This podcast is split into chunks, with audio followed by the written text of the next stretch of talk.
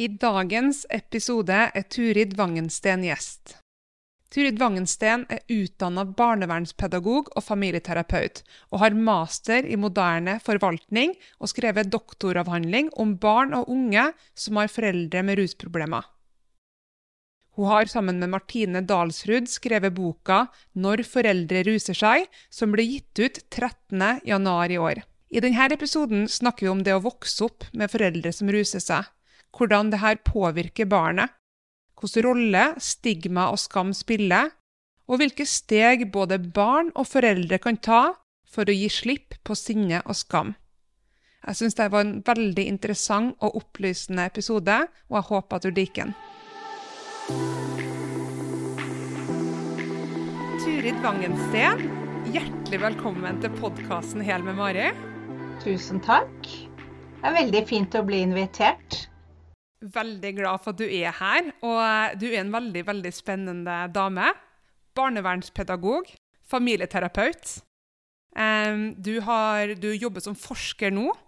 Ga i januar i år ut boka um, 'Barn med foreldre som ruser seg'. Var det det som var tittelen? 'Når foreldre ruser seg'. Mm. Når foreldre ruser seg. Ja. Og du har en master i moderne forvaltning.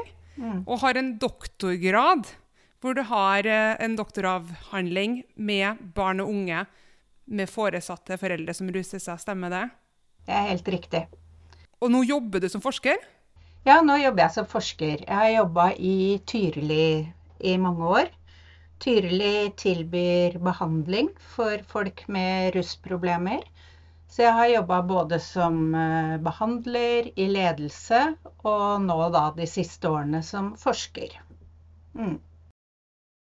Hva er det som gjorde at du ønska å spesialisere deg innenfor eh, det med, med, barn, unge og foresatte med rus? Ja, altså, jeg, jeg, tror gjennom alle årene mine som jeg har jobba med folk med rusproblemer, så har jo veldig, veldig mange av de eh, vokst opp med også foreldre som har rusa seg. Eh, eller hatt veldig store psykiske helseproblemer. Og de barna som da har blitt voksne når de kommer til Tyrili, har jo blitt prega av den oppveksten og den historien. Eh, og så vet vi at mange av de som er pasienter i Tyrili, også har barn. Så det har vært et eh, det ble bare på et tidspunkt en veldig sånn sterk erkjennelse av at vi må gjøre noe for disse barna. Sånn at de får en sjanse til å ikke få det så vanskelig eller utvikle så store problemer, da. Mm. Så det har nok vært liksom mye av drivkraften for å være særlig opptatt av barna.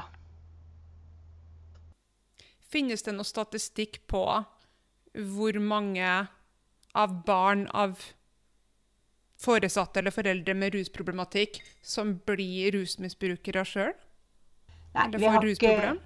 Ja, vi har ikke noe klar statistikk, men uh, uh, jeg, altså jeg tror Det er litt sånn ulike studier, viser jo litt ulike ting. Men jeg tror man uh, snakker om rundt 70% av de som er pasienter innenfor tverrfaglig spesialisert rusbehandling, da, eh, har vokst opp med foreldre med enten alvorlige psykiske vansker eller alvorlige rusmiddelproblemer. Så jeg holder på sammen med Høgskolen i Innlandet nå. Så har vi akkurat gjort en, eh, et forskningsprosjekt eh, der vi har gjort dybdeintervjuer med 24 unge i rusbehandling. Og jeg tror av de 24 så er det rundt 19 eh, eller 20 som har vokst opp da med foreldre med ganske alvorlige problemer. Mm. Så det er Det er ganske ja, høy statistikk? Det er veldig høy statistikk, og det er jo noe av det vi også vet, at uh, den type problemer kan også gå i arv. Men mm. da er det også viktig å si at det er ikke en selvfølge at det går i arv. Men det er en fare for det. Mm. Mm. Men litt i lys av det, hvordan påvirkes barn av foreldre som ruser seg hjemme? Hva er det som skjer med det barnet, både som barn, men også i ettertid? Altså, det kommer eh, Det fins jo ikke én familie eller ett barn som er helt likt. Eh, men det vi vet, er at når foreldre ruser seg for mye, så klarer de ikke å gi barn den nødvendige tryggheten og forutsigbarheten barn trenger. Barn trenger så mye eh, trygghet av voksne, både for å lære, for å klare å utvikle seg sosialt, emosjonelt. Eh, de trenger at det er noen der som trøster, eh, som gir omsorg, som setter grenser. De tingene som vi vet alle barn trenger, da, og som er så viktig. Eh, og en del foreldre klarer jo ikke det når de samtidig eh, ruser seg. Fordi at det, det som ligger i selve rusmiddelavhengigheten, det er en sykdom. Eh, det er en psykisk sykdom, definert som det. Eh, og det er jo prega av at man eh, har en tvangsmessig bruk av rusmidler, at man har, mister kontroll, og at eh, bl.a. at det å skaffe og bruke rusmidler blir viktigere enn så å si alt annet i livet, også barna. Så det veldig mange barn opplever, det er jo de vet, de vet, jo ikke om noe annet. Så de vet jo ikke nødvendigvis at de er annerledes eller har en annerledes oppvekst. Så ofte så merkes det jo når de begynner, kommer i barnehagen eller begynner på skolen, at de kan slite med konsentrasjon, eh, at de er mye redde, eh, at eh, de ikke får til å lære på samme måte som andre, ikke får til det sosiale. Og når de på et tidspunkt skjønner at noe ikke er greit, at de har det vondt, er redde, eh, har det veldig strevsomt, så sier da i ettertid veldig mange at de følte seg helt, helt alene i verden. De tenkte at det er bare jeg som har det sånn, og jeg kan ikke si det til noen. For hva skal andre da tro om meg og min familie hvis jeg hadde fortalt hvordan det egentlig er hjemme? Mm. Mm. Det med lojaliteten hos barn er veldig fascinerende. Det er det. Og de har jo Altså som barn så er man jo helt avhengig av omsorgspersonene sine. Så man er helt avhengig av mamma eller pappa eller de som er voksne i livet. Eh, og den lojaliteten er både, tenker jeg, veldig sterkt forbundet med kjærlighet. At man, man er kjempeglad i foreldra sine. Eh, og på den annen side så er man også så avhengig av dem at eh, Og man vet ikke hva skjer hvis jeg forteller. Blir mamma eller pappa satt i fengsel? Eh, blir jeg tatt ifra dem og aldri får se dem mer? Tenk om jeg kommer til noen slemme, ikke sant? Andre mm. voksne. Så det er så mange bekymringer da, mange har da. Mm. Så den i doktorgradsarbeidet mitt, hvor jeg intervjua eh, unge voksne og ungdommer som hadde foreldre med eh, rusavhengighet, så sa de jo også at altså det kom fram at de hadde så blanda følelser. Så vi var både veldig, veldig glad i foreldrene, og så var de ganske sinte på dem, noen. Og så var de mest av alt veldig i sorg fordi at de ikke hadde hatt de foreldrene som de hadde trengt, da. Mm. Mm. Hvordan påvirker det jo ambivalente følelser du beskriver nå? Hvordan påvirker det eventuelle tilknytningsstiler eller evne til å knytte sunne relasjoner i ettertid? Uh, I et sånt traumeperspektiv, altså hvor, uh, hvor, barna er traumatisert, så vet vi at det handler veldig mye om tilknytning og det å, å, føle seg trygg nok til å kunne stole på et annet menneske. Eh, det å vite at man er verdt å elske. Eh, det å vite at man eh, At det er noen som faktisk bryr seg, da, sånn helt på ordentlig. Det er ofte en vei å gå. Og så er det heldigvis sånn også med traumatiserte hjerner at de er i utvikling og endres. Eh, sånn at det er ikke sånn at alle som har opplevd dette, ikke kan elske noen eller knytte seg til noen eller eh, elske sine egne barn. For vi vet at eh, hjernen er ganske plastisk, sånn at når den får nye erfaringer og gode erfaringer, så er det veldig mye med på å reparere. Mm. Men det er en uh, vei å gå for en del, og det er en jobb å gjøre, da. Mm. Når blir rus problematisk? Hvor går grensa? Ja, det er et veldig godt spørsmål. Eh, altså når det gjelder foreldre med barn, så pleier vi å si at det er Rusbruken er et problem når barnet opplever det som et problem. Og da spiller det nesten ikke noen rolle hvor mye foreldrene ruser seg. Eh, så lenge det skaper en utrygghet hos barnet, så er det faktisk et problem. Men det er klart sånn Forskningsmessig så vet vi at de barna som er aller mest utsatt, det er de som, hvor begge foreldrene ruser seg. Eh, det er hvor det er vold inne i bildet. Eh, enten fysisk eller psykisk eller seksuell vold. Og det er hvor det er få andre voksne som kan beskytte barnet. For vi vet jo at der det har vært liksom besteforeldre eller tanter eller onkler eller eh, andre voksne da, i nærheten, så har det, vært, har det, vært, en viktig beskyttelsesfaktor for mange av disse barna. Eh, barn er heller ikke så opptatt av hva slags rusmiddel foreldre bruker. Så derfor så snakker vi ofte om rusmidler, og ikke om enten alkohol eller om det er hasj eller amfetamin eller heroin. For eh, virkningen for barnet er jo ofte det samme. Og det er jo det å ikke bli godt nok ivaretatt.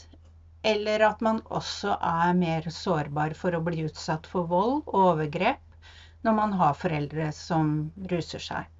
Fordi foreldrene enten kan utsette barna for det, eller at de ikke klarer å beskytte barnet godt nok mot andre voksne som, eh, som utøver vold. Mm. Hvor gammel må et barn bli før de forstår at her er det, det er noe rart med mamma og pappa? At de, det, legger de merke til øynene? Er det lukt, eller forstår barna at forskjellen på den normale mammaen og pappaen og den mammaen og pappaen som er under rus? Eh, det er nok litt ulikt, for barn er jo også ulikt liksom, sensitive og, og, opptatt av det. Eh, hun, eh, hun, som jeg skrev boka sammen med når foreldre ruser seg, hun heter Martine Kile Dalsrud. Hun har vokst opp selv med foreldre med rusavhengighet. Og hun fortalte vel at hun ganske tidlig oppdaga at uh, det var veldig mye stress hjemme der. Altså at det, det var en mamma med mye uro og mye Ja, hun Som barn tenkte hun at, uh, at det var rett og slett mye stress og uro. Um, og ellers så sier de fleste at de oppdager det når de blir store nok til å kunne være med noen hjem. Når de blir, liksom, kan være med noen hjem fra barnehagen eller fra skolen. Og at de tenker at det ikke er like greit å ta med noen hjem til seg. Da begynner de virkelig å oppdage at det, det er noe. Mm. Men det er ikke så lett før man, før man Når man ikke har noen å sammenligne seg med, så er det også vanskelig å vite hva de litt vonde følelsene er for noe, og hvorfor det er sånn. Mm. Så mange blir ganske store før de egentlig tenker at, at foreldrene faktisk har et rusproblem, og at det også er et problem for barnet, da. Hva er det som er typisk som skjer da, når barnet får den innsikten at oi, det er noe som ikke stemmer hjemme hos oss? Hva, hva skjer da? Da føler de seg veldig, veldig alene. Eh, og mange tenker at dette er helt umulig å snakke om. Eh, og de tenker at de må hjelpe til mest mulig for å skjule det. Ingen må få vite om det. Eh, det er den store familiehemmeligheten. Eh, mens noen barn også eh, blir, liksom, blir veldig sinte på foreldrene. Sier dere må slutte, ikke drikk. Eh, noen tømmer ut alkohol fra flasker de finner. Eh, gjør egentlig veldig mye da, for å prøve å få foreldrene til å slutte. Eh, noen tar veldig mye ansvar for yngre søsken. Sånn at de tar mye voksenansvar. Egentlig både for foreldrene og for søsken. For at det er mat i huset. For å prøve å smøre matpakke. Så dette er jo også en del, en del barn som blir fryktelig fort voksne og tar voksenansvar. Mm. Og da blir barnet som en omsorgsperson for egne omsorgspersoner? Ja, helt klart. Eh, og det er jo Og det handler jo også om å skjule problemet best mulig. Og fordi at de kanskje også syns synd på foreldrene, eller de har egentlig ikke noe annet valg. For unger vil jo gjerne at ting skal være normalt og vanlig. Og alt som kan få ting til å se litt normalt og vanlig utenifra, det gjør de alt de kan for å få til. Mm. Så mange har tatt altfor mye ansvar. Altfor mye voksenansvar. Mm. Hva skjer med dem i ettertid, de barna?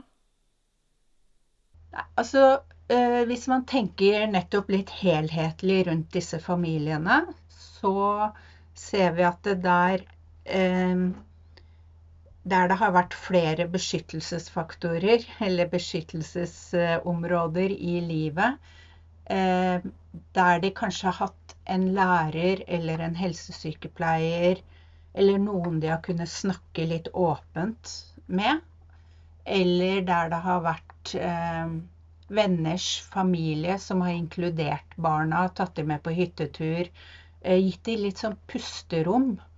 Alt det som gis av litt pause fra det som er vanskelig, er med på å beskytte. Så Derfor så er det også ulikt hvordan de reagerer. Men det er jo mange som fortsetter å ta veldig, veldig mye ansvar, også som voksne. Og som tenker at hvis ikke jeg ordner opp i dette, så er det ingen som gjør det. Sånn at det å slippe kontrollen eller tenke at andre voksne også er med å ta mye ansvar, det kan være kjempevanskelig. For det er bare liksom et mønster som har satt seg, at uh, hvis ikke jeg ordner opp her nå, så er det faktisk ingen som gjør det. Hmm. Så det kan ta tid. Så dette er jo bare liksom litt sånn seige, langvarige prosesser. Eh, og jo mer skjult det er, og jo mer alene man er med alle de tankene og alle de følelsene, jo vanskeligere er det jo også å, å finne noen andre måter å håndtere det på. Er det noe forskjell på barn som har foreldre med ganske tung rusproblem, kontra de barna som kanskje har foreldre med godt kamuflerte rusproblem, og som pga. det ikke blir fanga av systemet. Da. La oss si at foreldrene står i jobb, eh, og problematikken synes kun innenfor husets fire vegger, mens hos andre som kanskje har tyngre rusproblem, er det synlig ved at barnet kanskje ikke er kledd ordentlig, kanskje ikke har med matpakke på skolen. Er det noe forskjell på de to her scenarioene når det kommer til traumene eller senvanskene det gir barnet i ettertid? Eh, nei, altså ikke noe annet enn at er, begge deler er ekstremt krevende for barn. Eh, for de som har, la oss si, foreldre med eh, heroinavhengighet, der blir det jo ofte veldig synlig. Og det betyr at også en del av de barna blir flytta ut av hjemmet. Og så blir de for så vidt beskytta mot foreldrene, men eh, det er jo da også mange som får veldig, veldig mange flyttinger i barnevernet. Eh, sånn at noen av de vi har intervjua nå i det siste forskningsprosjektet, de har liksom Det var ei som fortalte hun hadde flytta ti ganger fra fosterhjem og institusjoner i løpet av to år. Ikke sant? Sånn at det, det er også en veldig ustabil og vanskelig livssituasjon. Men jeg vet også at en del av de som har vokst opp med tilsynelatende veldig velfungerende foreldre, og hvor fasaden har vært veldig fin, og, og, foreldrene har hatt gode jobber og vært på jobb hver dag, og man er pen i tøyet, har, har ok økonomi, de har jo noen ganger har, Noen av de sier at ja, men jeg skulle heller ønske at uh, mamma og pappa brukte heroin, for da hadde i hvert fall noen sett meg. Og da hadde noen mm. skjønt at jeg ikke har det godt. Og for de barna er det jo også enda vanskeligere å si det til noen voksne, for da vil jo de kanskje læreren eller helsesøster eller noen si Nei, men nå må du gi deg. Dette er, Dine foreldre er ikke sånn. ikke sant? Du kommer jo på skolen hver dag, og du har fine klær, og dere var jo på ferie til og med, og Ikke sant?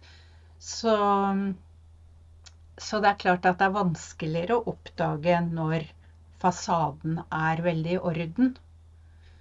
Eh, det er også vanskeligere å oppdage når eh, folk med utdanning og jobber som kanskje ligner på lærerjobber eller barnevernpedagogjobber, som er i samme bransje eller har sånn type samme utdanningsnivå.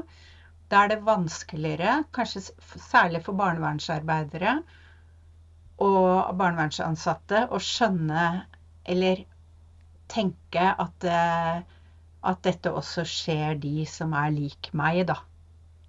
Så det har vi faktisk en del forskning på. At, eh, at det blir gjort raskere inngripen i familier hvor det er lav utdanning, dårlig økonomi, Eh, man bor dårligere osv. Mm. Så, det så det med klasse- og kulturbakgrunn har også betydning for om barna får nødvendig beskyttelse eller ikke. Hvilken rolle spiller stigma og skam i, i både rusbehandlinga, men også hvordan påvirker det både barn og foreldre? Eh, ganske mye. Eh, min doktoravhandling het 'Når stigma og skam står i veien'.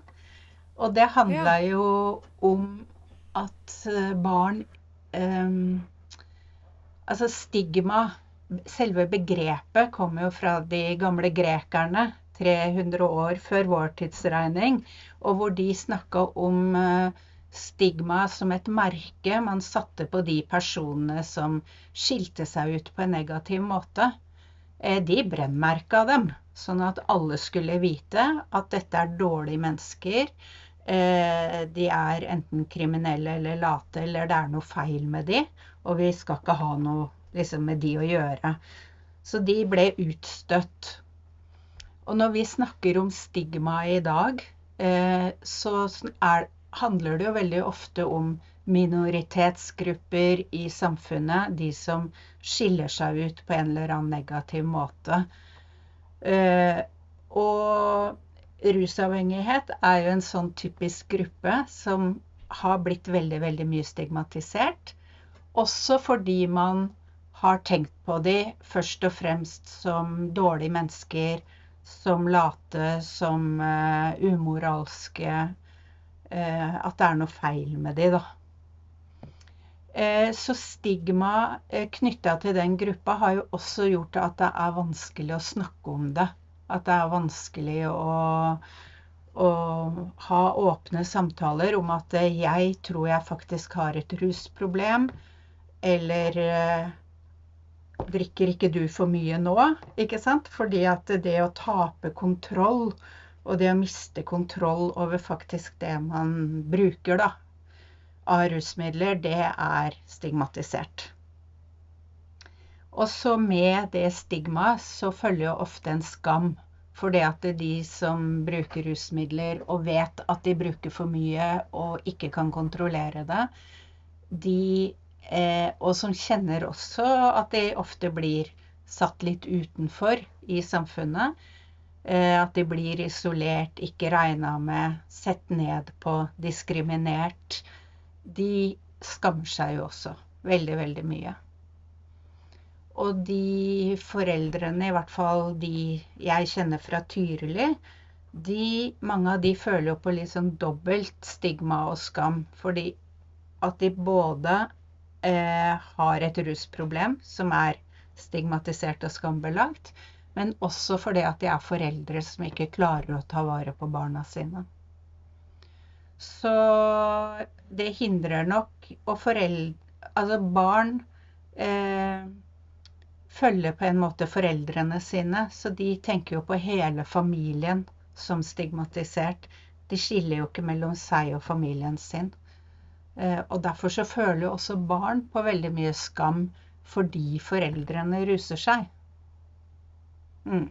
Selv om det ikke, virkelig ikke har noen ting med barna å gjøre. Hvilke andre funn gjorde du i doktoravhandlinga di? Nysgjerrig på å høre litt mer. Var det noe annet du, funn du gjorde som du syntes var ekstremt interessant? Altså, det var eh, Det er klart eh, Alle de jeg intervjua, det var da Jeg intervjua unge ungdom og unge voksne som hadde foreldre med rusavhengighet. Jeg intervjua foreldre som var rusavhengige. Og jeg intervjua helsepersonell som hadde et spesielt ansvar for barn som pårørende. Eh, De fleste av de barna jeg intervjua, de hadde bodd i fosterhjem og vokst opp i fosterhjem. Eh, det som ble veldig tydelig, var eh, De var veldig glad for det og sa at det var helt nødvendig at de fikk et annet sted å bo. Ikke, så var ikke alle de Det var ikke alle som hadde hatt det like godt i fosterhjemmet. Men de skjønte veldig godt at de allikevel ikke kunne bo med foreldrene. Eh, det som var felles, selv for de barna som vokste opp i fosterhjem, var at eh, veldig få eller ingen voksne hadde snakka med dem om det. Eh, så jeg tror de voksne jeg intervjua, de var litt sånn Nei, men Nei, jeg har i grunnen ikke snakka med han, men jeg tror tante har gjort det, sa fostermor jeg intervjua. Eh, barnevernet eh, tenkte at eh, det er det nok foreldrene som gjør. Så alle voksne syntes det var kjempeviktig å snakke med barna, men alle trodde at noen andre gjorde det. Barna, de som unge voksne, de opplevde at det egentlig ingen hadde snakka ordentlig med dem om hvordan det var å være dem. Så det var en som sa at ja, jo, de har jo snakka om mamma. De har snakka om at mamma nå er mamma i behandling, nå har mamma dratt fra behandling, mamma er i prosessen. Mamma prøver så godt hun kan. Eh, nå får vi ikke kontakt med mamma. Men som han sa, men ingen snakka jo egentlig om meg og hvordan jeg hadde det mm. med dette. Eh, så litt den tausheten Vi ser ofte at stigma og skam bringer ofte med seg en taushet. Man snakker ikke om det. Og og de, mens de eh, ungdommene jeg intervjua, de hadde brukt veldig mye energi på å tenke på foreldrene. Og bekymre seg for foreldrene også når de ikke bodde sammen. Så et av funnene handler jo nettopp om hvor viktig det er Altså, man må beskyttes mot foreldrenes rusbruk. Men det betyr ikke at man må beskyttes fra foreldrene. For den relasjonen kan være veldig, veldig viktig allikevel. Mm. Sånn at de kan ha kontakt, men den kontakten må også være på barnas premisser, da. Det er de som må få styre det. Noen barn trenger bare litt pause fra de foreldrene som ruser seg, er ute og inn av behandling. Eh, de vil bare prøve å leve litt normalt. Mens andre savner mammaen og pappaen sin så mye og trenger å ha litt oftere kontakt. Mm.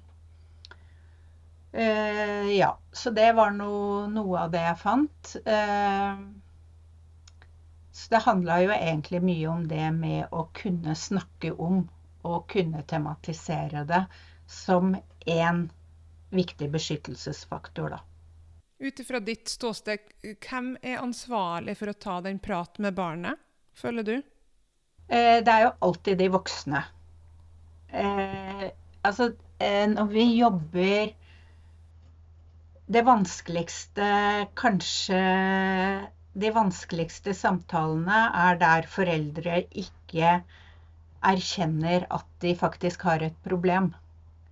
Der barna mener at foreldrene har et problem, mens foreldrene tenker at de ikke har et problem. Det er jo de mest kanskje krevende uh, og såre samtalene for barna og ungdommene. Fordi foreldre klarer ikke å erkjenne at det de gjør, er vanskelig for barna. Uh, de som jeg jobber med og har jobba med, de jo, har jo alle veldig erkjent at de har et alvorlig problem og søkt behandling for det. Så sånn er det litt enklere.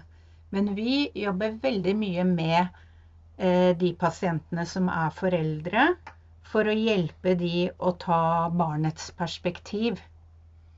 For de tenker at eh, Nei, men så lenge jeg Jeg kan ikke blande barnet mitt borti at jeg er i behandling eller at jeg har et rusproblem. Eh, det gjør det bare vondt verre. Eller de sier at ja, men jeg aner ikke hva jeg skal si. Eh, jeg sier at jeg jobber utenbys.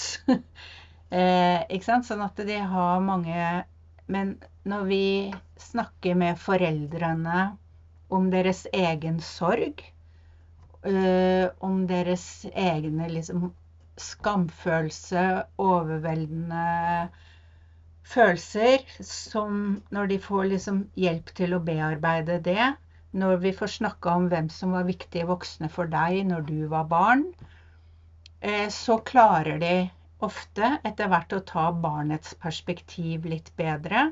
Og da er det også mange som skjønner både at de faktisk må holde seg unna det barnet når de er rusa, fordi at det er vondt for barnet.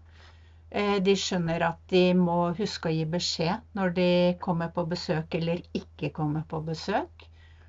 De må snakke med barn om at eh, det aldri er barnets feil at foreldrene ruser seg, og at foreldrene prøver å bli rusfri, men at det er kjempevanskelig, at de ikke kan love noe. Ehm, så jeg tror når foreldre får til litt de samtalene sammen med barna sine, eh, og gjerne sammen med en behandler, da, så kan det være med på å skape noe mening for barna, da. Mm. De barna skjønner at OK, det er ikke jeg som har gjort noe galt, det er ikke jeg som har bråka, det var ikke jeg som var vanskelig, det var ikke jeg som ikke hørte etter. Ikke sant? Det er foreldrene som har det problemet. Og det er ikke noe heller barn kan gjøre for å få foreldre til å slutte å ruse seg. Det er det foreldrene med andre eh, gode hjelpere rundt seg som må gjøre den jobben. Mm.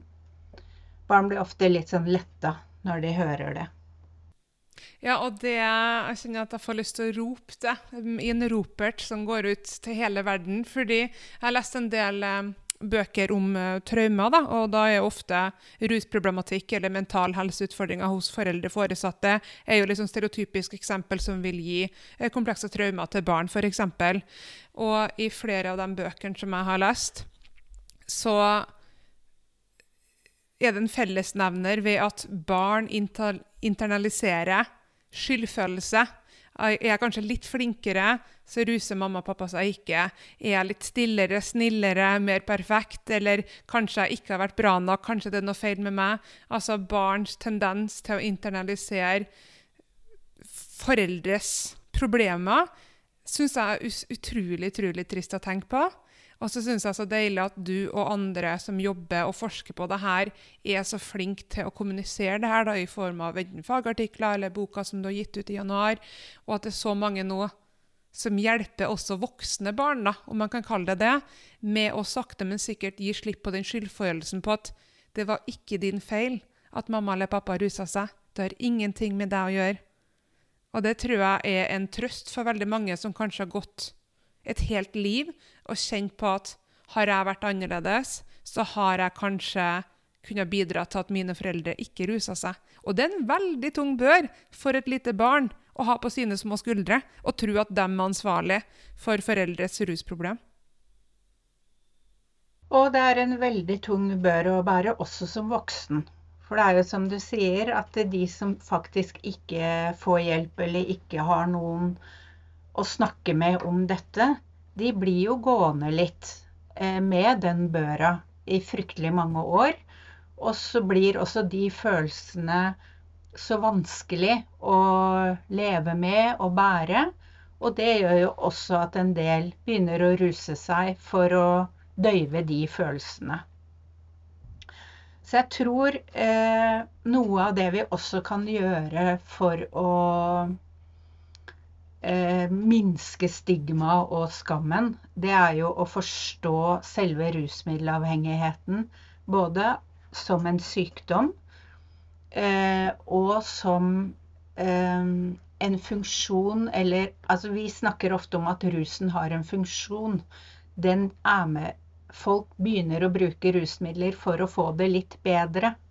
Så det er en mestringsstrategi som gjør at mm. eh, Så jeg tror dette med å tenke at de aller fleste av oss gjør så godt vi kan. Og for noen handler det om faktisk å ruse seg for å dempe psykisk eller fysisk smerte. For å føle tilhørighet, for å føle seg bra nok, for å få slappe av, få litt ro. Ikke sant? alle som begynner å ruse seg, sier jo at det er for at det var en grunn. Det hadde en funksjon, selve rusopplevelsen. Og så utvikler man en avhengighet som gjør at det plutselig det tar over mye mer av livet, da. Eh, å, og for noen eh, barn så kan det også da nettopp være nyttig å skjønne at mamma og pappa gjør det ikke for å være slemme, eller fordi at de ikke er glad i deg, eller fordi at de ikke har lyst til å leve et normalt liv, men de får det ikke til fordi at de har rett og slett blitt avhengige. Mm. Og så er likevel ikke den avhengigheten en unnskyldning eh, mot å Altså, det unnskylder ikke at man bruker vold, eller at man blir slem, eller at man ikke tar vare på barna sine. For det det ansvaret har man som foreldre uansett. Eh, men nettopp stigma da, og den skammen gjør at det er vanskelig å snakke om og vanskelig å, å be om hjelp, f.eks. Mm. Kan du fortelle litt, Jeg skjønner at det her blir sikkert et stort spørsmål. Jeg forventer ikke at du skal ha en kjempelang avhandling, men kan du fortelle litt om eh, rus som en sykdom? For dem som ikke engang har forstått, som kanskje har hatt da, den den gammeldagse oppfatninga om at det er et valg, eller at de er late. Kan du fortelle litt om rus som en sykdom? Ja, det handler om denne Altså, det handler om den, som jeg sa, at rusen får en funksjon. At man begynner å ruse seg for å få det litt bedre. Og så skjer det jo noe i hjernen når man inntar rusmidler. Eh, og det faktisk alle rusmidler har til felles, det er at det påvirker dopaminproduksjonen. Eh, og dopamin er jo et signalstoff i hjernen som forteller oss at eh, dette er bra for deg, dette må du gjøre mer av. til slutt så blir det også så sterkt at det, sier, at det forteller at dette må du faktisk gjøre for å overleve. så Eh, du som har også hatt en eh, podkastepisode om traumer, eh, så er det jo på mange måter de samme mekanismene som skjer i hjernen, med at følelser oppleves som overveldende, og impulsene eller overlevelseshjernen kobles inn. og tenker at det eneste som kan hjelpe nå, det er faktisk å bruke rusmidler. Det er den eneste måten jeg kan få det bra på. Eh, det betyr jo også at fornuften eller prefrontal cortex, altså tankehjernen vår, den blir litt kobla ut. Eh, fordi at det nettopp eh, det har dannet seg mønstre i hjernen som sier at hvis du skal overleve, hvis du skal klare dette, så er rusmidler den eneste løsningen. Og, det, og grunnen til at vi bruker liksom forstår det gjennom dette med dopamin, er at det, nettopp at det er så sterke signaler eh, som, som, virkelig Sånn at det denne, dette ønsket eller cravingen for rusmidler blir så sterk. Eh, og det er jo i det det ligger at man faktisk ikke har kontroll. Eh, og at det er tvangsmessig bruk. Eh, og det er nyttig nettopp for å forstå litt den tilsynelatende uforståelige atferden mange har som bruker rusmidler. Eh, så man kan jo tenke det for de som er veldig glad i sjokolade, da. Så kan man tenke den med å ha en sjokoladeplate liggende. Eh, og tenke ja, men jeg gjemmer den til lørdag. Og så får man så lyst på det. Så det virker nesten umulig å ikke ta den der og da. Eh, det er bare det bare at er mange tusen ganger sterkere. Den, det behovet da, for å ta rusmidler. Eh, sånn at det, er eh, Og så er det sammensatt, ikke sant? Så det er jo også en aktiv handling man gjør. Og det gjør jo også at rusmiddelavhengighet skiller seg litt fra f.eks. andre psykiske lidelser. Nettopp ved at man gjør disse aktive handlingene, som det er å gå på polet og kjøpe alkohol, eller skaffe seg amfetamin, eller eh, andre rusmidler, det er en aktiv handling, og det er en aktiv handling å drikke det eller sette det eller innta det. da. Eh, og det gjør det mer komplisert. ikke sant? Og det gjør det enda vanskeligere for barn å forstå at dette faktisk er Det er en sykdom, men det er også en aktiv handling. Mm. Så man så man må heller ikke liksom ta fra folk ansvaret for å i hvert fall gjøre alt de kan for å ikke påføre andre skade med at de bruker rusmidler. At de ikke skremmer noen eller er slemme mot noen. Eller eh, at de har barn som de da ikke klarer å ta godt nok vare på. Det ansvaret må man jo ta.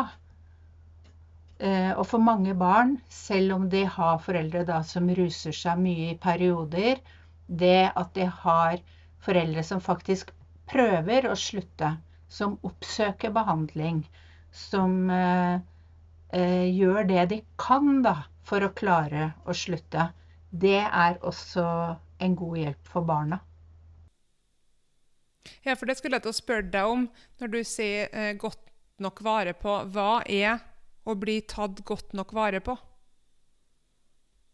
Ja, det er jo det store spørsmålet. Og da er jeg jo noen ganger glad for at jeg ikke jobber i barnevernstjenesten. For det er jo de som ofte ofte har disse kjempevanskelige vurderingene på hva er god nok omsorg.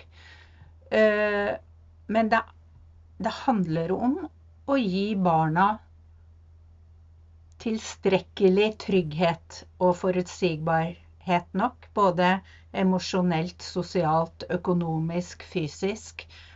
Eh, det er jo å støtte barnet eh, sosialt når det strever med ting. Lære barnet forskjellige ting. Eh, trøste når de er lei seg. Glede seg sammen med barna når barna er glad. Lære de å sette ord på følelser. Lære de å håndtere og regulere følelser er jo en veldig viktig del av omsorgsoppgavene da, til, til, de voksne. Eh, og de som, altså det rusmiddelet gjør med folk, er jo at følelser enten dempes eller forsterkes. Eh, at man blir sløv eller veldig gira. At man blir uansett mindre sensitiv overfor andre. Noen gjør rare ting Eh, så å si alle får mye lavere impulskontroll, sånn at man sier og gjør ting eh, også uten å liksom tenke over om det er lurt og hyggelig å si og gjøre det man gjør. Og alle de tingene er per definisjon veldig dårlig for barn. Eh, sånn at Og så vet vi at for noen barn så igjen så handler dette om hvem, hvilke andre beskyttelsesfaktorer barna har. Eh, er det sånn at hvis det f.eks. er en mamma som ruser seg i perioder, er det da enten en pappa som kan ta vare på det barnet? Er det en bestemor eller en bestefar, en tante eller en onkel? Eller er det sånn at barnet faktisk må flytte i fosterhjem, men kan være mye sammen med mamma når hun ikke ruser seg? Sånn at det at det er flere voksne rundt barna som kan ta vare på dem, eh, er også med på å gi god omsorg. Eh, så det dårligste er nok de foreldrene som skjuler rusbruken sin, gjør virkelig alt de kan for å skjule det. Eh, hvor det er eh, ingen andre voksne som vet om det.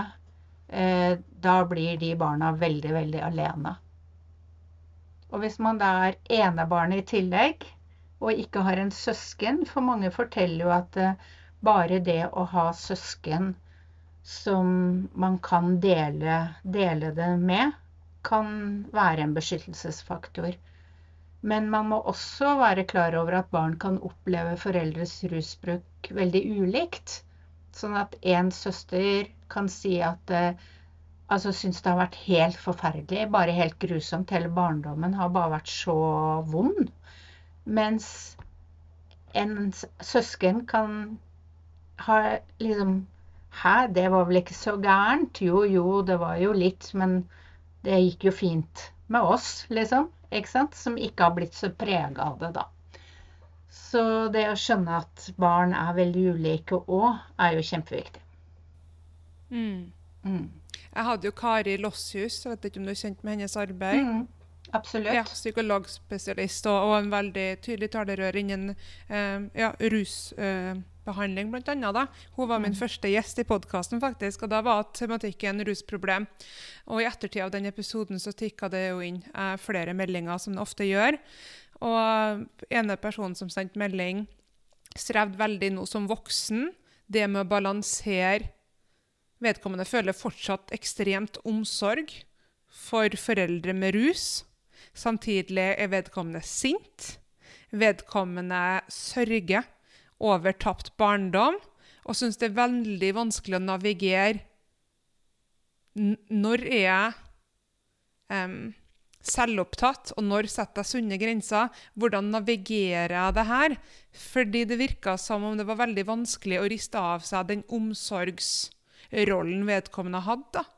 Hvordan navigerer man det her? Går det an til å reparere forholdet med foreldre? Og, og, hvordan setter man sunne grenser når man har vært en så av og til viktig omsorgsperson for sine foreldre med rusproblemer?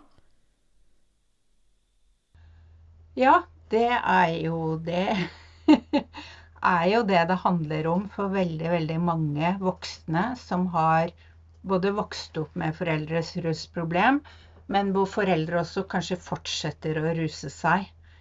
Og det fins virkelig ikke noe svar, for det er en av de belastningene man har som barn eh, med foreldre som har rusproblemer, og, og, som man kanskje må leve med hele livet sitt, nesten. Altså.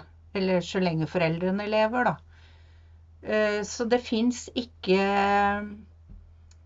Eh, det fins ikke noe enkel forklaring eller noe enkelt svar på hvordan de skal håndtere det. Eh, jeg vet at de som går liksom fra å være barn som pårørende, og plutselig og blir kanskje litt ivaretatt og beskytta og forstått, når de bikker 18, så blir de ofte eneste voksne pårørende for sine foreldre. Eh, sånn at de lever jo Mange lever jo med dette her i fryktelig, fryktelig mange år. De blir sittende i ansvarsgruppemøtene til foreldrene. De blir ringt til når foreldre havner på legevakta, eller når de eh, drar fra behandling, eller når det skjer ting. Og det er en ekstremt stor påkjenning. Eh, og det fins ikke noe svar. For det viktigste er at det fins ikke noe som heter god eller dårlig pårørende. Eh, jeg var på et seminar for år siden, noen år siden. Og der var det ei som var pårørende til Det var til en bror da, med rusavhengighet. Og hun hadde vært på en eller annen sånn gruppe for pårørende og fortalt sin historie. Og hun hadde gjort alt hun hadde kunnet for å hjelpe den broren, og strekt seg veldig langt. Hun fikk beskjed om at eh, du er en dårlig pårørende. Eh, du gjør at eh, du er medavhengig, og du gjør at broren din kan bare fortsette å ruse seg. Og hvis han dør, så er det nærmest din skyld. Og jeg bare jeg ble så opprørt at jeg nesten begynte å gråte. Jeg syns det, var ja, jeg synes det var så fælt, så jeg bare liksom virkelig måtte si til henne at vet du hva, alle gjør så godt de kan, og du, det fins ikke noe som heter dårlig pårørende. For noen er det helt riktig, og de velger å gå til sentrum i Oslo nesten hver kveld med matpakke og rene klær til sin som er rusavhengig. Andre må faktisk velge å kutte kontakten eh, for kortere eller lengre perioder. For de klarer ikke å ta vare på foreldre eller søsken og samtidig eh, ha et OK liv og ta vare kanskje på sine egne barn. Og begge deler er helt riktig. Ikke sant? For det at man må gjøre Først og fremst ta vare på seg selv eh, for å kunne ta vare på andre. Så det mm. hjelper ingen om man som pårørende til egne foreldre sliter ut seg selv så mye at man ikke klarer å fungere eller blir sykmeldt eller ikke klarer å ta vare på sine egne barn. Ikke sant? Så man må finne den balansen. Og det er ikke lett. Og det finnes ikke noe fasit på det. Og noe kan være riktig i en periode i livet, og noe annet kan være riktig i en annen periode i livet. Så kan man reparere en relasjon. Ja, jeg er jo familieterapeut, så jeg tenker jo at man kan det. Men eh, jeg tror ikke man, man eh, vil alltid bære med seg den sorgen, tror jeg, over øh, å ha hatt en veldig, veldig vanskelig barndom. Og man vil bære med seg en sorg over ikke å ha foreldre som kan være gode besteforeldre, eller som kan være der som en støtte også som voksen. For man er jo alltid sine foreldres barn, også når man har blitt voksen. Eh, så eh, Men jeg tror man kan finne måter å leve med det på. Og det er kanskje det viktigste, da. Å finne en, en eh, en balanse eller en forståelse der den sorgen ikke blir så overveldende. Og noen er kjempesinte, og med rette. Og, og må liksom bare få ut det og si noe om det. Eh, andre sier at jeg er ikke sint i det hele tatt. Det er ikke sinne som er min, min dominerende følelse. Så folk er ulike, da. Og som sagt, det mm. finnes virkelig ikke noen riktig eller gal måte å, å reagere på. Det fins ikke, ikke noen riktige eller gale følelser. Mm. Men det er vondt når de følelsene blir, tar så mye plass og blir så overveldende at de dominerer hele livet. Da trenger man hjelp til å sortere og finne, finne måter å leve med det på. Hvor kan man få hjelp til å sortere? Altså, i Norge så har vi jo dette fantastiske tilbudet som heter Kompasset. Som drives av Blå Kors, og som er et eh, samtale-terapitilbud til ungdom, unge voksne. Eh, jeg tror det er opptil 36 år eller noe sånt. Som har foreldre, vokst opp med foreldre med rusproblemer. Og det er helt lavterskel. Man må ikke ha noe henvisning, man må ikke ha noe diagnose. man må ikke, ikke sant? Eh, de sier ja, men det, at du har det sånn som du har det, og at du har det strevsomt på mange områder i livet nå, Det er en helt naturlig eh, konsekvens av den oppveksten du har hatt. Det er helt naturlig at du har det sånn som du har det. Og så fins det måter å leve med den historien på.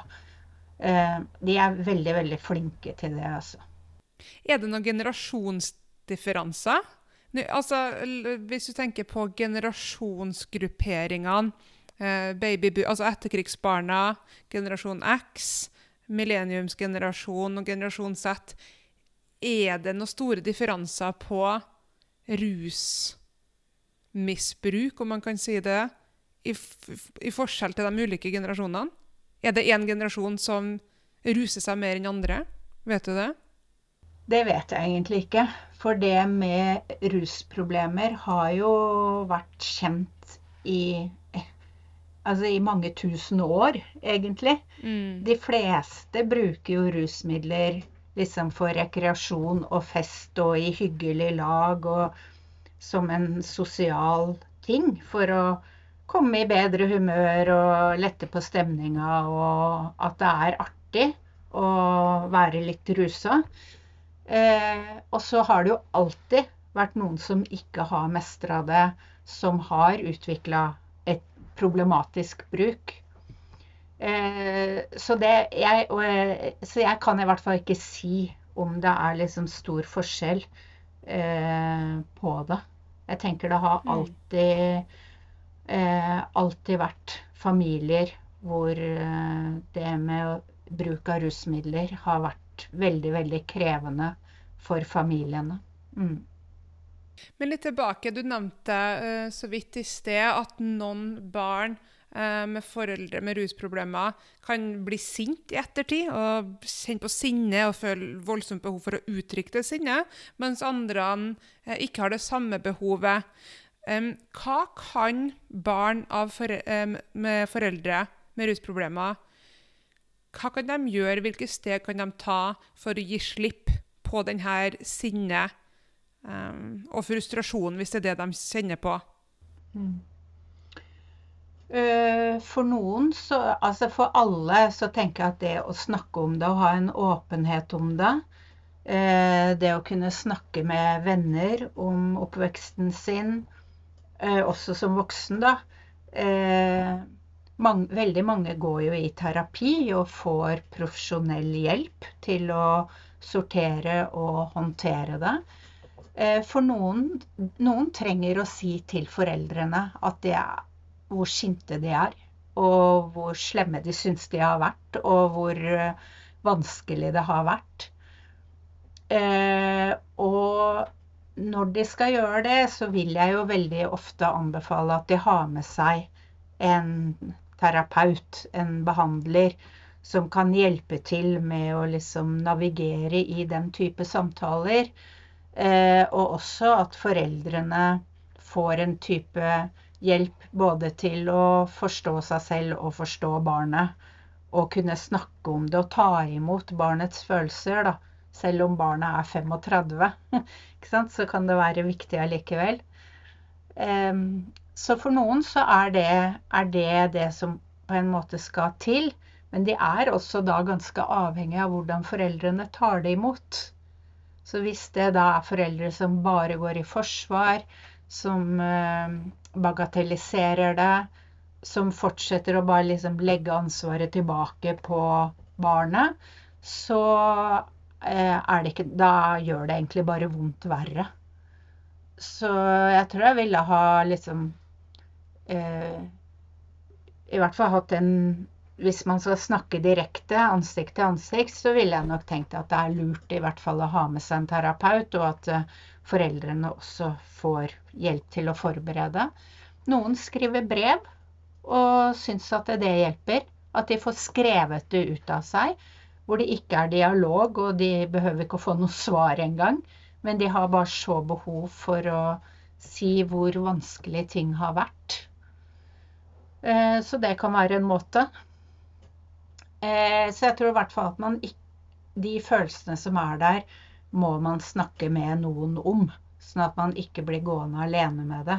Som en eller annen sa, at eh, ja, men du vet, når man bare blir gående med alle de vanskelige tankene og følelsene, så blir det jo som en trykkoker. Og den må jo Den bare eksploderer til slutt. Uh, ja. Og så er det Så vi Så jeg er jo også opptatt av at vel, altså Det er ikke en selvfølge at alle som vokser opp med foreldre med rusproblemer, utvikler veldig alvorlige problemer når de blir voksne. Men alle er merka av det. Alle er sårbare for å utvikle eh, vansker selv. Så det handler mye om hva slags hjelp man får. Både som barn, som ungdom og som voksen. Hva med foreldre og foresatte med rusproblemer? Hvilke steg kan de ta for å gi slipp på kanskje den voldsomme skyldfølelsen og skammen de har ved at de har rusa seg? Eh, jeg tror når de forstår sin egen avhengighet, og forstår også at det ikke bare er dårlige personer og vonde, dårlige foreldre og dårlige mennesker. Eh, så når de også forstår liksom kompleksiteten i selve avhengigheten, så tenker jeg at det kan hjelpe. Eh, og så, når vi snakker om skam, så snakker vi ofte om to typer skam.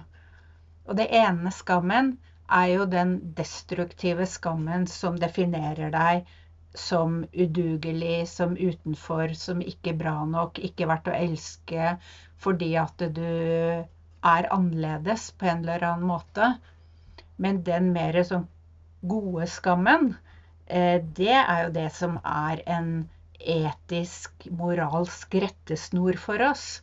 Det er det som gjør at vi behandler hverandre ålreit, at vi er greie mot hverandre, at vi ikke sier slemme ting til hverandre. Eh, og når vi gjør det, at vi da kjenner på en skam for det at vi har gjort handlinger som er eh, som er, egentlig strider imot vår egen etikk og moral, det er jo en konstruktiv og en god skam.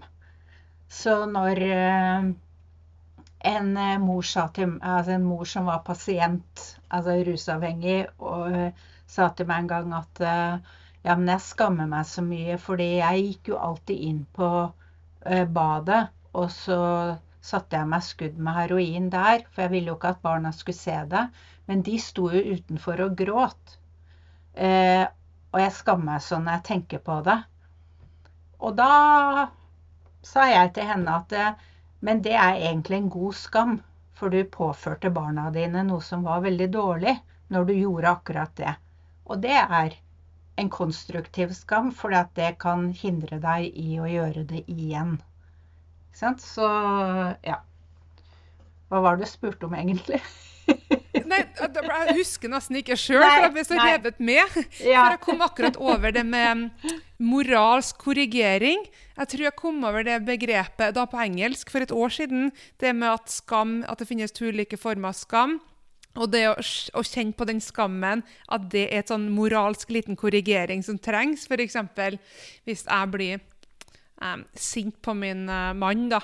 Eh, og så blir jeg egentlig litt sinnere enn det egentlig situasjonen gir grunnlag for. Da kan jeg kjenne på skam. Og så kan jeg også kjenne på at å shit, nå må jeg si unnskyld, og det er litt flaut å si unnskyld.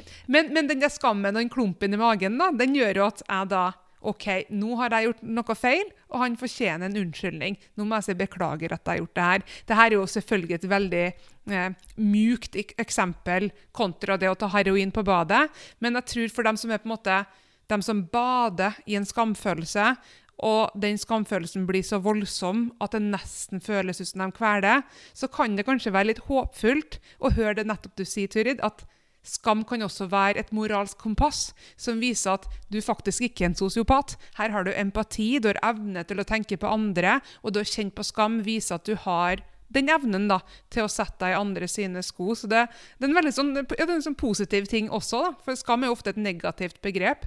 Mm. Det er det. Ja. Og, og, vi trenger den jo alle sammen. Og ikke minst det å kunne be om unnskyldning. Og det vet mm. jeg jo at eh, noen foreldre som har rusa seg mye i barnas oppvekst, og, og de barna blir store eller nesten voksne, eller ja.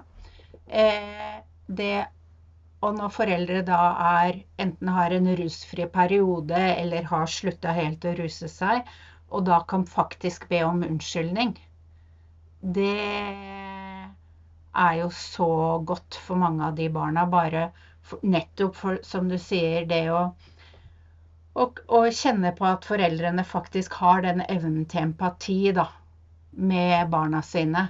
At de klarer å, ha, å se at det, det, var ikke godt for barna å vokse opp eh, når vi rusa oss så mye, eller når jeg rusa meg så mye.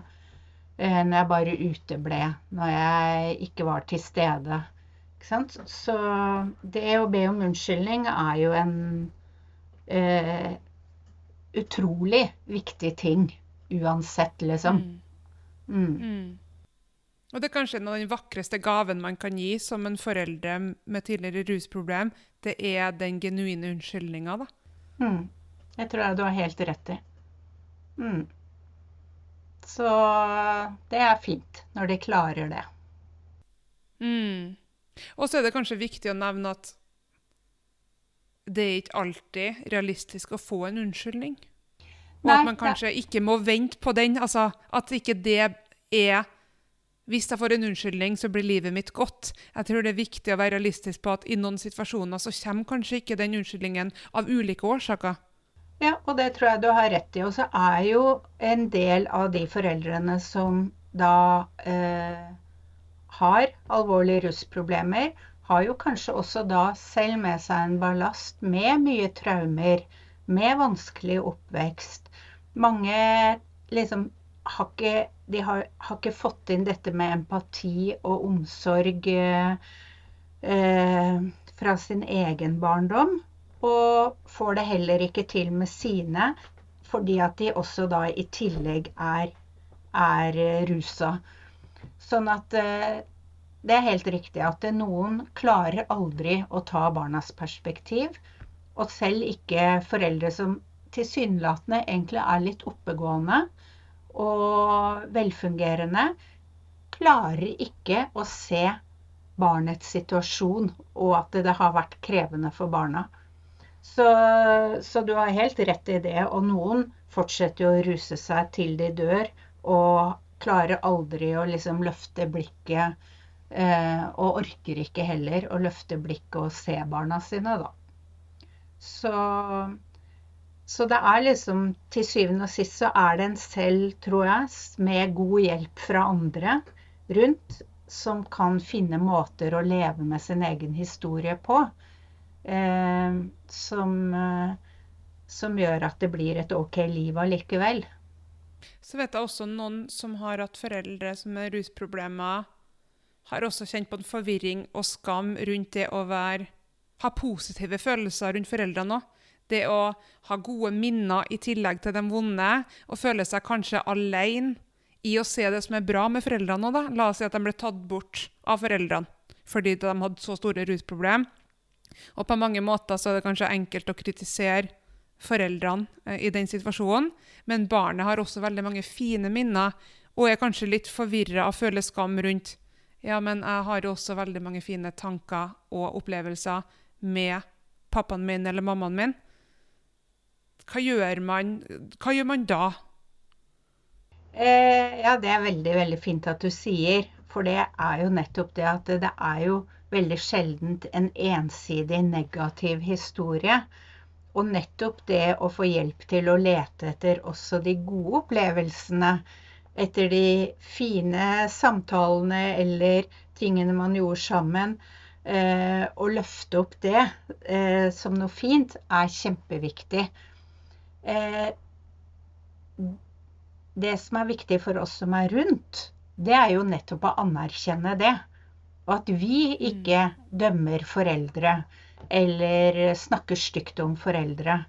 For det var det mange av de ungdommene jeg intervjua de hadde opplevd at uh, tanter og onkler og fosterforeldre og lærere og andre snakka på en måte så så ned på foreldrene deres og snakka stygt om dem. Og for barna, som var en del av da, den familien, så opplevde jo de at men da, snakker de jo egentlig stygt om meg også. Når de snakker stygt mm. om mamma og pappa, så, så er jo jeg en del av dem. Eh, og pluss at når andre voksne snakka stygt om eh, foreldrene til barna, tror jeg i beste mening for å prøve å joine barnet eller prøve å være empatisk og vise at dette skjønner jeg er vanskelig. Men eh, det gjorde også at det ikke ble plass til barnas følelser. For det som jeg sa, men noen må jo forsvare Jeg blir jo lei av mamma, jeg òg, men noen må jo forsvare henne. Ikke sant? Mm. Og da var det de som fikk den eh, rollen. Så det å la barn, enten de er barn eller voksne, få lov til å definere sine følelser, eh, det tror jeg faktisk er veldig viktig. Og da må man anerkjenne og det folk sier er sine opplevelser.